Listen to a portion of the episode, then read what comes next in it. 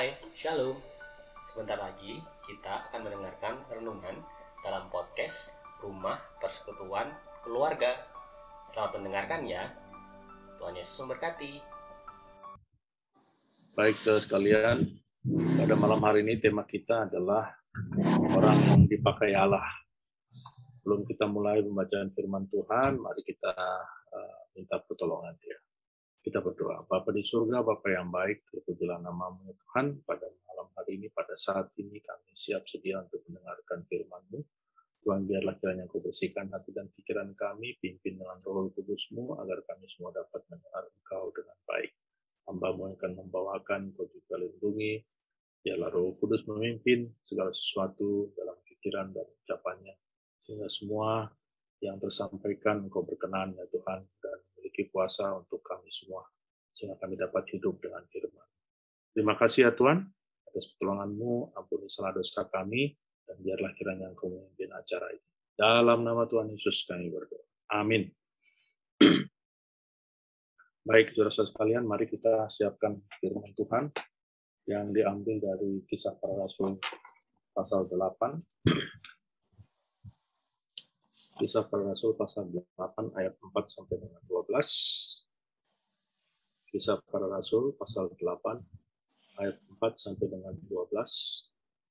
Dan kemudian lanjut dengan 26 sampai 35.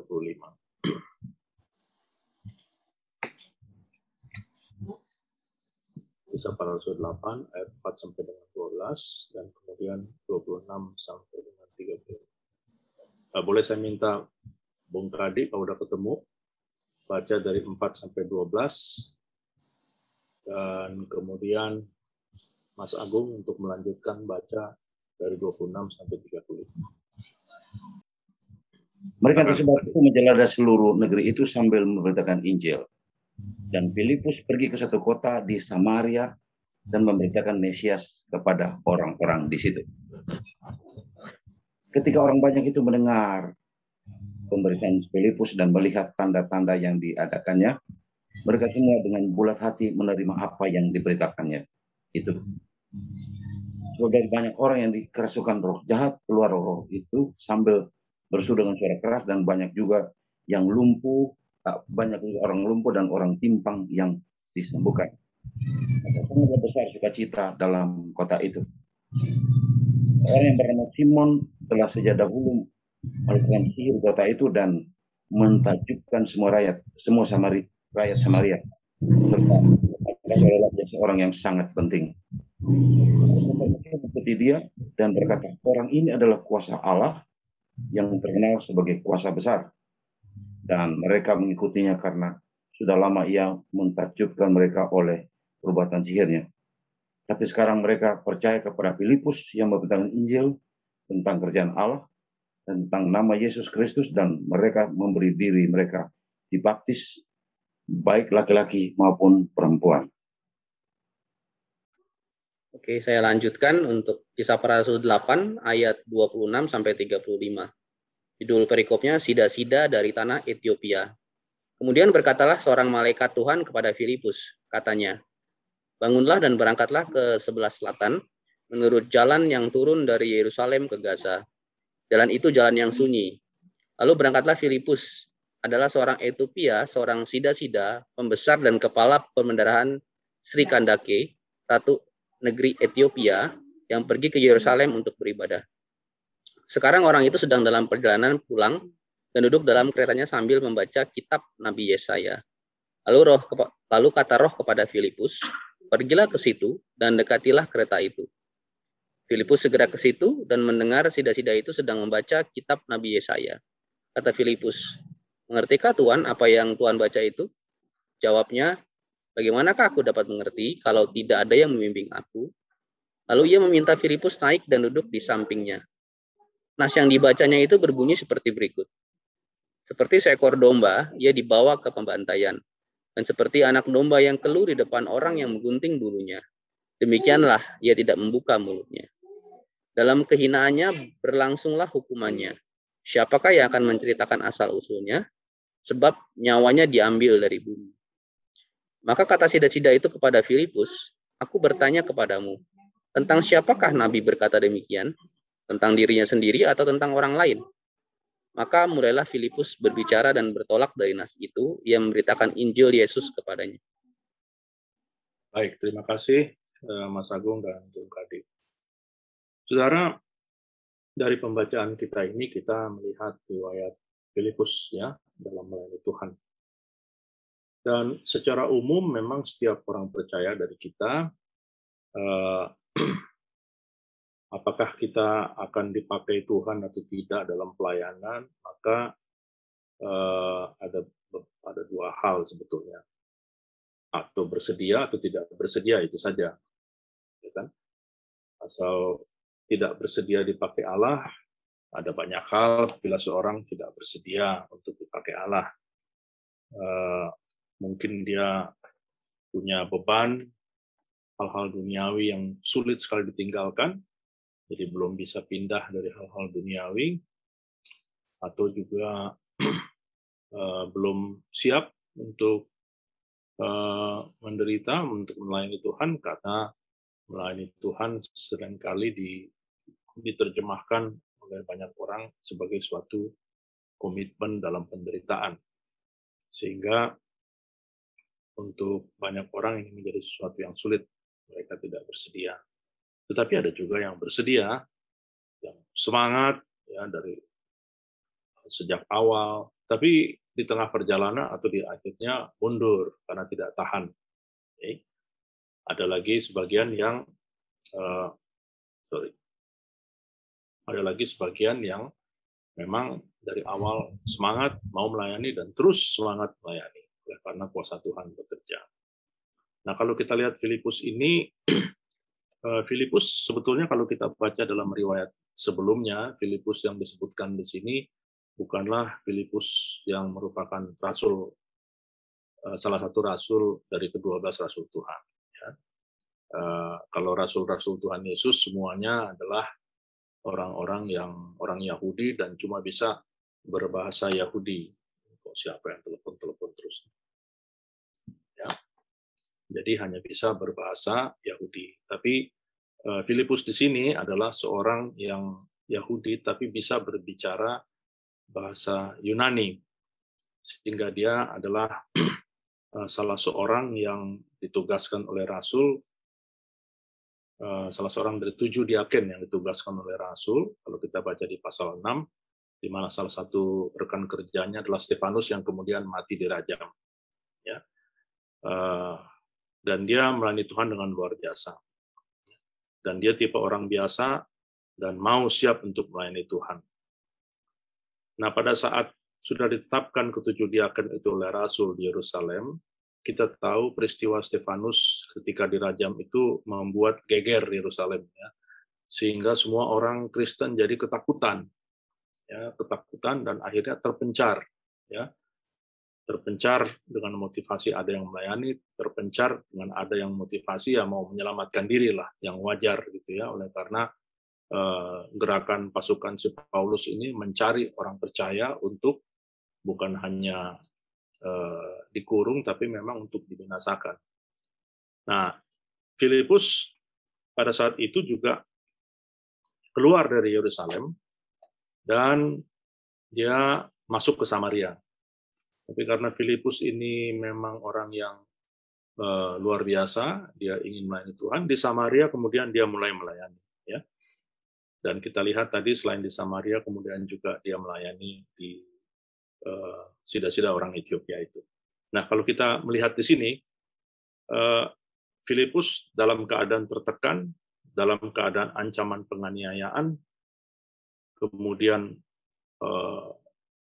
terpaksa harus keluar dari Yerusalem. Yerusalem tentu adalah satu kota yang yang bagus ya dengan semua fasilitasnya pada saat itu dan dia harus bersusah payah ke Samaria. Samaria tentu daerah yang kurang begitu bagus.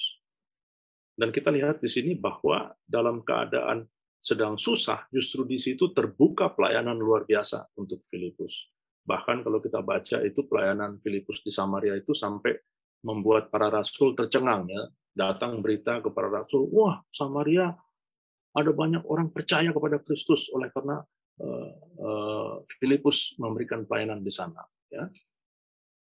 Dan di situ kita lihat bahwa bagi kita sendiri juga dalam kehidupan kita, mungkin ada banyak orang mengeluh ketika kehidupannya menjadi susah. Anak-anak Tuhan tentu secara manusiawi ketika ada pergumulan, ada kesulitan, bisa berkeluh kesah, tetapi jangan kita lupa bahwa dalam kesempitan seperti itu, dalam kesusahan seperti itu, mungkin Tuhan izinkan karena di situ Tuhan akan buka jalan untuk satu pelayanan. Ya, Tuhan akan membuka satu tempat pelayanan bagi kita untuk memberitakan firman Tuhan. Sehingga ya, ada orang yang bilang ya eh, susah mengucap syukur ketika kehidupan menjadi sulit, tapi justru uh, yang saya mau katakan adalah ketika kita menjalani kesulitan dalam hidup, kita perlu juga mengucap syukur seperti firman Tuhan katakan, ya mengucap syukur dalam segala hal.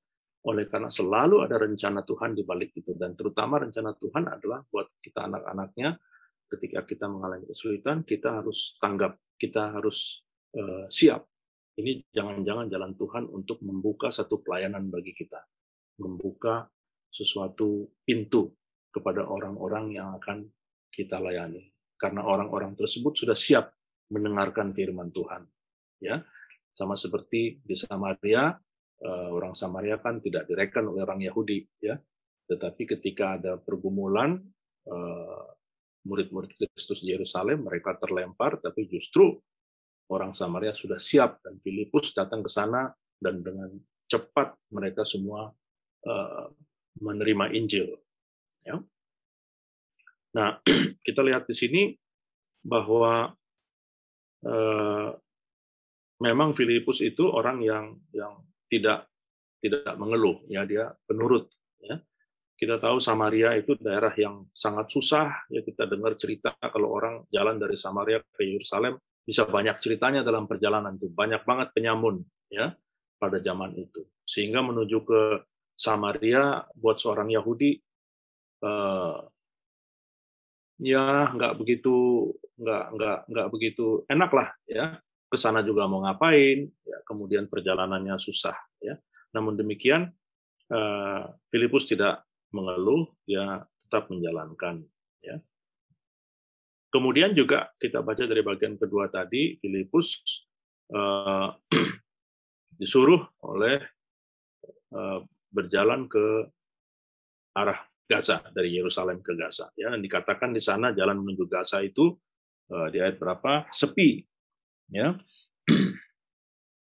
Jalan itu ayat ayat 26 jalan itu jalan yang sunyi ya. Kalau pada zaman Alkitab ini ditulis atau pada peristiwa itu terjadi dikatakan jalan yang sunyi pada zaman itu tentu jalan yang sunyi berarti suatu kesulitan di sana ya masalah perbekalan nanti bagaimana, ya kan? Masalah air minum nanti bagaimana, ya. Kalau mau minta tolong orang bagaimana, belum lagi urusan penyamunnya. Ya, pada zaman itu sering kali jalan-jalan sepi isinya penyamun semua. Jadi sebetulnya tidak menarik lah ketika malaikat mengatakan menyuruh Filipus untuk pergi ke sana, mau ngapain gitu ya ke jalan yang sunyi. Ya. Kita ingat Yunus kan? Ya, kalau ini Yunus, Yunus pasti kagak mau dia. Ya, mau ngapain ke sana ya kan nggak jelas tujuannya apa. Makanya Yunus sudah diperintahkan Tuhan ke Niniwe, dia bukannya pergi ke Niniwe, dia makin turun. Nah, di sini juga uh, sebetulnya Filipus bisa saja ya apa urusannya mau ke sana mau ngapain. Tetapi memang dia dasarnya adalah seorang penurut, ya dia taat, maka dia pergi. Walaupun susah, walaupun assignment ini tidak jelas mau ngapain, tetapi ini adalah perintah Tuhan, dia manut aja pergi di sana. Ternyata Tuhan sudah menyiapkan jiwa dalam perjalanan itu ya. Tuhan sudah mempersiapkan jiwa, yaitu uh, si orang uh, Ethiopia tadi, ya. Dan selain sifatnya yang penurut dari Filipus ini, dia juga kalau kita mundur ke kisah pasal 6 ayat 3 dia adalah orang yang eh, dipimpin oleh Roh Kudus ya karena dia terpilih oleh eh, salah satu dari tujuh orang itu karena tujuh orang itu adalah orang-orang yang dipimpin uh, Roh Kudus sama seperti Stefanus ya dan dia adalah orang yang benar-benar mau melayani Tuhan. Kemudian juga Filipus sudah diperlengkapi dengan orang yang mengerti firman Allah. Kita lihat dia bagaimana menjelaskan kepada sida-sida itu uh, tentang maksud uh, yang bagian dari firman Tuhan yang dibaca oleh sida orang Ethiopia tersebut dari pasal 8 ayat 35 ya.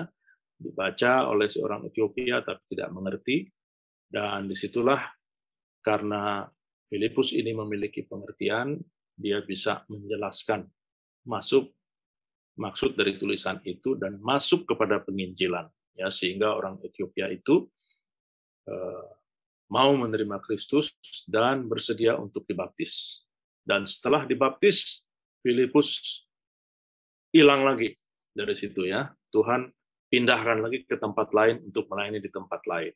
Dan Filipus bisa menuntaskan pekerjaan pelayanannya karena dia patuh, karena dia penuh roh kudus, karena dia juga mengerti firman Allah. Sehingga artinya bahwa melihat dari Filipus ini, orang yang dipakai Allah harus diperlengkapi dengan hal-hal demikian. Ya. Patuh, dipimpin Roh Kudus, menguasai firman Tuhan, dan uh, tidak banyak mengeluh. Tidak peduli dia apakah orang yang berpendidikan atau tidak berpendidikan. Tuhan bisa pakai orang yang berpendidikan, orang yang highly educated, Tuhan bisa pakai orang yang uneducated atau low education, Tuhan bisa pakai orang yang berpangkat, juga bisa memakai orang yang tidak berpangkat, ya bisa menggunakan orang yang kaya, bisa orang yang miskin. Suka hati Tuhan lah untuk menggunakan orang. Tapi syarat dari Tuhan adalah kelengkapan yang diperlukan, ya patuh, nurut, dipimpin roh kudus, dan mengerti firman Allah. Kalau kita belajar dari apa yang dikatakan, apa yang kita lihat dalam diri Filipus. Nah, untuk itu saya akan membagi kepada saudara ada lima hal sebetulnya tipe manusia yang bisa dipakai oleh Tuhan. Ya saya dapat dari internet, cuman sayang sumber nama penulisnya tidak didapatkan, tapi saya pikir saya bagikan, nanti silakan saudara-saudara akan uh, belajar dari sini. Yang pertama, tipe manusia yang bisa dipakai Tuhan itu dikatakan adalah seorang walking person, ya, walking person. Seorang yang walking person with God, artinya orang yang berjalan bersama dengan Tuhan. Ya.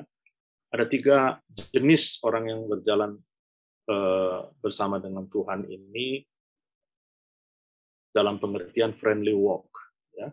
Orang yang bisa friendly walk sama orang lain adalah orang yang bersahabat dengan Allah. Ya. Orang yang betul-betul memiliki kedekatan dengan Tuhan. Uh, Tentu kalau dibilang bersahabat dengan Tuhan, wah kok kayaknya bagaimana Tuhan itu maha besar, ya. Kemudian kok bisa bersahabat. Begitu intimnya, artinya maksudnya begitu intimnya persekutuan anak Tuhan dengan Tuhan Allah, sedemikian rupa sehingga seperti persahabatan. Ya, segala sesuatu dalam kehidupannya disampaikan kepada Tuhan. Segala sesuatu yang dilakukannya, dia minta pertolongan Tuhan setiap segi kehidupannya berjalan bersama-sama dengan Tuhan. Ya, apa pun yang dia melakukan, langkah pertama dia akan lihat Tuhan dulu. Seperti itu. Friendly walk. Ada lagi uh, faithful walk. Ya, 1 Korintus 15 ayat 8 58. Ya, boleh Morin tolong baca 1 Korintus 15 ayat 58. Saya kira semua kita tahu ayat ini. Pertama Korintus pasal 15 ayat 58. Jangan goyah. Ya. Dia telah selalu dalam pekerjaan Tuhan. Silakan Morin, tolong dibaca lengkap. Itu adalah bagian akhirnya.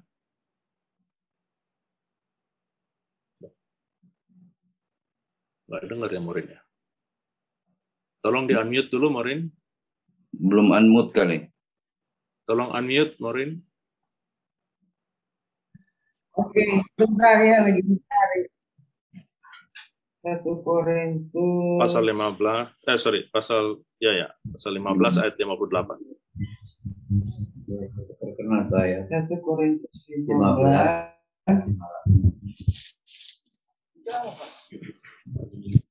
15.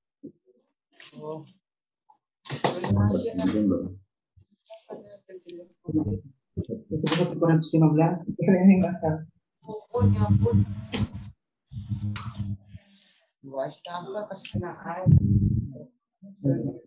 Korintus 15.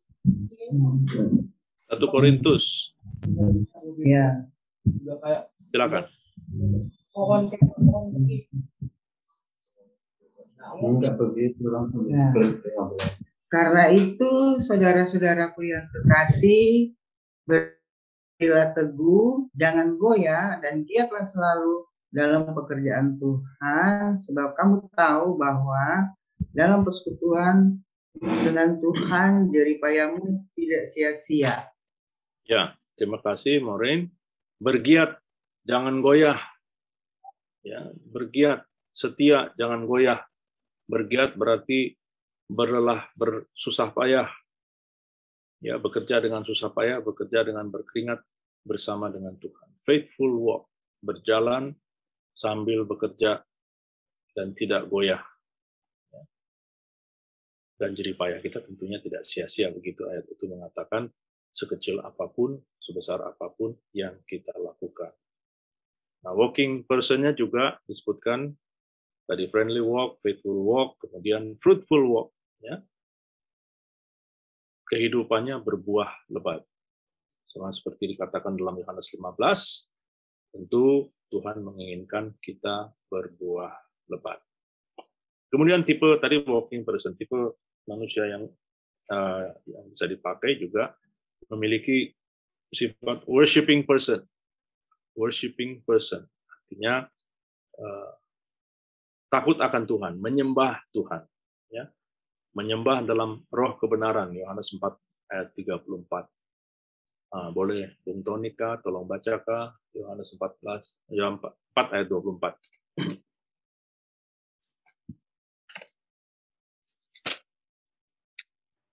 Yohanes 4 ayat 24. 24. Berapa ya, apa, dok? Yohanes 14? Yohanes 4, 4 ayat 24. Yohanes 4 ayat 24, Allah itu roh dan barang siapa menyembah dia harus menyembahnya dalam roh dan kebenaran. Ya, jadi eh, orang yang bisa dipakai tentu orang yang mau menyembah Tuhan di dalam roh. Kemudian juga eh, orang yang menyembah Tuhan itu juga mempersembahkan hidup yang kudus. Ya, hidupnya hidup kudus. Roma 12 ayat 1 sampai 2 sangat jelas mengatakan itu. Ya, Roma 12 ayat 1 sampai dengan 2. Eh, boleh eh, Gading deh, tolong Gading baca Roma 12 ayat 1 sampai 2.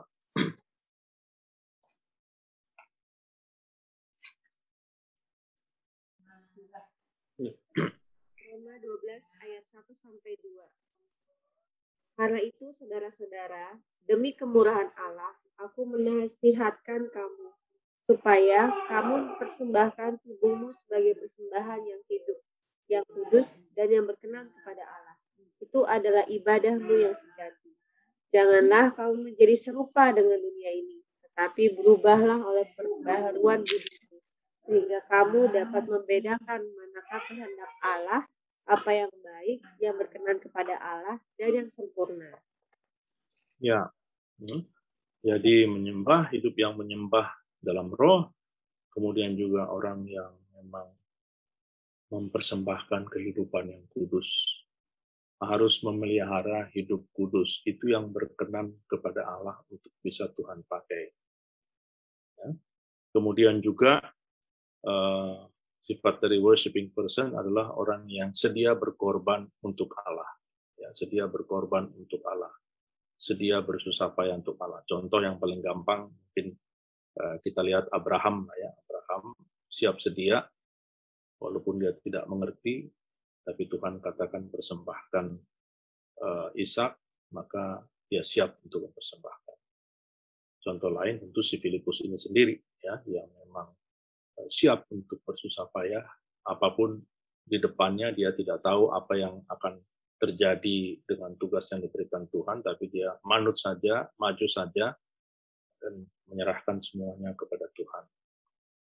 Nah, itu yang kedua. Yang ketiga, willing person. Artinya orang yang harus siap sedia. Ya. yang bisa dipakai Tuhan tentu orang yang siap sedia. Kalau orangnya tidak siap sedia, ya susah juga. Ya. Siap sedia ditandai dengan 3S. Katakan di sini siap untuk suffering, suffer, menderita, memikul salib. Okay. Kemudian juga S yang kedua, serve, siap untuk melayani. Sama seperti teladan Tuhan Yesus. Kita lihat Tuhan Yesus bagaimana dia melayani orang. ya Melayani orang yang sakit, melayani orang yang susah. Kemudian dia mencontohkan juga bagaimana dia membasuh kaki murid-muridnya, melayani, memperlihatkan uh, sebagai suatu teladan yang patut kita tiru. Bahwa orang yang mau melayani Tuhan itu orang selain yang siap menderita, tetapi juga siap serving, siap melayani. Bukan yang bosi. Ya. Bukan yang justru mau nyuruh-nyuruh orang. Tetapi kerendahan hati adalah yang sangat utama dalam memberikan pelayanan, terutama untuk sesamanya. S yang ketiga adalah uh, willing person untuk separate, ya berpisah dari kehidupan duniawi. Kalau masih terikat dengan keinginan duniawinya, tentu akan sulit. Kalau masih ingin untuk hal-hal yang duniawi, tentu menjadi sulit. Ya. Hal-hal duniawi itu apa saja yang paling simpel mungkin kalau kita kadang-kadang kita menjadi sulit ketika kita terikat dengan pekerjaan kita. Ya, karena pekerjaan kita memberikan uh, kehidupan, artinya penghasilan buat kita kadang-kadang tantangan pelayanan uh, juga mungkin akan mengganggu uh, pekerjaan kita. Tetapi banyak orang tidak bertanya kepada Tuhan, tetapi langsung aja menolak melayani Tuhan, tapi lebih mementingkan pekerjaan. Tapi sudah banyak kesaksian banyak orang yang melayani Tuhan tetap bahwa ada kewajiban yang harus dilakukan, dia serahkan kepada Tuhan, dan pada akhirnya Tuhan bisa mengatur dengan sebaik-baiknya. Ya, dengan sebaik-baiknya. Dan itu harus datang dari seorang yang memang uh, willingness, kemauan memang mengutamakan Tuhan, memprioritaskan Tuhan. Ya, tidak tahu apa yang akan terjadi, tapi menyerahkan kepada Tuhan untuk mengatur segala sesuatunya dengan baik. Ya, to suffer, to serve, dan separate. Kemudian yang keempat adalah uh, tipe orang yang uh, yang dipakai Allah adalah weeping person, weeping person, weeping menangis. Ya. Menangis maksudnya menangis karena berbelas kasihan. Ya. Menangis karena berbelas kasihan. Mazmur 126 ayat 6. Boleh ini baca Mazmur 126 ayat 6. Mazmur 126 ayat 6. Orang yang berjalan maju dengan menangis sambil menabur benih, pasti pulang dengan sorak-sorai sambil membawa berkas-berkasnya. Ya. ya. Berjuang, berbelas kasihan, tentu akan menuai hasil. Dan belas kasihan diutamakan adalah Walaupun kita melayani Tuhan, kita mesti punya belas kasihan. Hmm. Untuk siapa? Dikatakan di sini untuk the sick, orang yang sakit. Orang yang sakit. Harus ada belas kasihan hamba-hamba Tuhan atau orang yang ingin melayani Tuhan kepada orang-orang yang sakit, saudara-saudara yang sakit. Hmm. Ya. Dengan mengunjungi, dengan mendoakan. Mungkin kalau lagi pandemi gini mengunjungi banyak yang takut juga pergi ke rumah sakit supaya dan kalaupun mau pergi juga ditolak sama rumah sakit yang nggak akan sembarangan orang bisa masuk di masa pandemi ya kita doakan ya dan itu menjadi beban seorang yang weeping person berbelas kasihan kepada orang yang sakit kemudian berbelas kasihan kepada the saint ya, hamba-hamba Tuhan. Hmm? Berbelas kasihan kepada mereka. Masih banyak yang bergumul, kita doakan. Um, kalau di internet itu kita sering lihat uh, atau di Facebook, kadang-kadang ada mau bilang iklan bukan iklan juga ya, tapi yang menunjukkan bahwa ada gereja di mana lah, bangunannya udah bocor-bocor, minta sumbangan, ya kan? Hmm. Ada gereja di mana? Ya cuman kadang-kadang saya ragu juga ya, ini nanti dikasih nomor rekening, bagaimana penggunaannya kita nggak tahu ya, bagaimana dapat laporan atau tidak. Mungkin uh, itu yang sering kita lihat. Tetapi nggak usah jauh-jauh lah ya, mungkin hamba-hamba Tuhan di sekitar kita banyak juga. Dan itu menjadi tanggung jawab kita untuk uh, kita memiliki belas kasihan untuk membantu mereka ya. Untuk membantu apalagi kalau misalnya itu di gereja kita sendiri. Kemudian juga memiliki belas kasihan untuk the sinner orang berdosa tentunya. Karena uh, kita kan meneladani Kristus sehingga uh, jiwa Kristus itu harusnya ada dalam diri kita dan kita akan memiliki belas kasihan untuk orang-orang yang belum mengenal Kristus. Dan itu mendasari kita untuk menyampaikan pekabaran Injil. Kalau kita tidak rindu untuk mengabarkan Injil, artinya kita mungkin eh, tidak mempunyai belas kasihan ya untuk orang-orang yang belum mendengar Injil itu, untuk orang-orang yang berdosa itu. Nah ini sikap yang begini tentu bertolak belakang dengan apa yang Tuhan Yesus Kristus teladani. Gitu. Sehingga kalau kita memiliki sikap seperti itu, ini ada masalah nih, ya. Ada masalah di sini yang harus dibereskan. Kita katakan kita pengikut Kristus, kita beriman kepada Kristus, tetapi teladan Kristus tidak kita ikuti, gitu ya. Padahal Tuhan Yesus itu sangat memiliki belas kasihan melihat orang-orang berdosa kita sering baca di Alkitab bagaimana kalau dia lihat kerumunan orang banyak itu hatinya sedih banget ya. Dia lihat orang kerumunan banyak itu dia sangat sedih. Ini bagaimana nih banyak orang yang belum mengenal kerajaan Allah. Itu yang keempat, weeping person. Kemudian yang terakhir, yang kelima adalah working person. Jadi Tuhan tentu akan memakai orang yang rajin bekerja. Orang yang malas-malasan, ya nggak berkenan pada Tuhan orang yang sering bangunnya lat atau bangun siang, ya bagaimana Tuhan mau pakai? Ya. Kalau orang yang sering bangunnya lat juga pengusaha juga tidak pakai. Karena dikatakan sudah siang, maka rezekinya sudah dipatok ayam. Ya, itu uh, yang katakan. Kalau bangun siang, rezekinya dipatok ayam, begitu. Bagaimana jadi ada peribahasa itu saya juga nggak ngerti tetapi ada benarnya. Tentu orang yang malas-malas, ya attitude-nya malas, nggak mau susah, nggak mau capek, ya Tuhan tidak akan bisa pakai.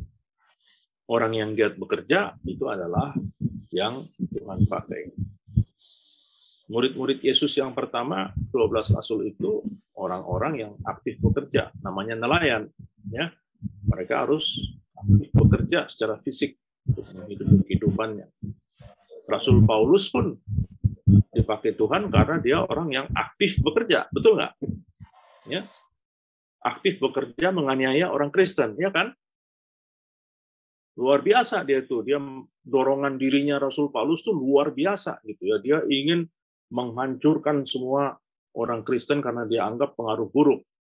Sehingga dia pergi dari kota ke kota dengan pasukannya untuk menganiaya orang Kristen. Itu aktif bekerja. Dan karena keaktifannya itu, Tuhan pakai dia. Tapi sekarang tidak lagi untuk menganiaya orang Kristen, justru untuk menjala orang-orang untuk menjadi Kristen. Karena dasarnya adalah dasar orang yang mau bersusah payah, ya, mau bekerja secara aktif. Ya. Nah inilah lima uh, ciri-ciri yang harus ada dari setiap anak-anak Tuhan, dari setiap kita semua, agar supaya Tuhan bisa memakai kita dalam ladang pelayanannya the weeping person, the working person, dan tiga hal yang lain tadi, yaitu walking person, worshiping person, willing person. Dan kalau kita lihat dari kelima hal ini semuanya ada di Filipus yang kita baca tadi. Ya. Kelima hal ini ada di semua di dirinya Filipus. Sedemikian rupa karena semuanya ada, maka dengan mudah Tuhan secara leluasa memakai Filipus. Ke mana kehendak Tuhan? Ya. Ke mana kehendak Tuhan? Bahkan eh, si Filipus bisa, kalau kita nonton film-film fiksi, dia bisa beam out ya. Dari setelah selesai melaksana melayani sida-sida kemudian dia beam out diangkat dipindahin ke kota yang lain lagi. Demikian besar kuasa Tuhan bagi orang yang mau melayani dia dan memiliki ciri-ciri rendah hati dipenuhi roh kudus setia seperti yang dilakukan Filipus kiranya kita semua anak-anak Tuhan juga bisa memiliki ciri-ciri yang saya sampaikan tadi.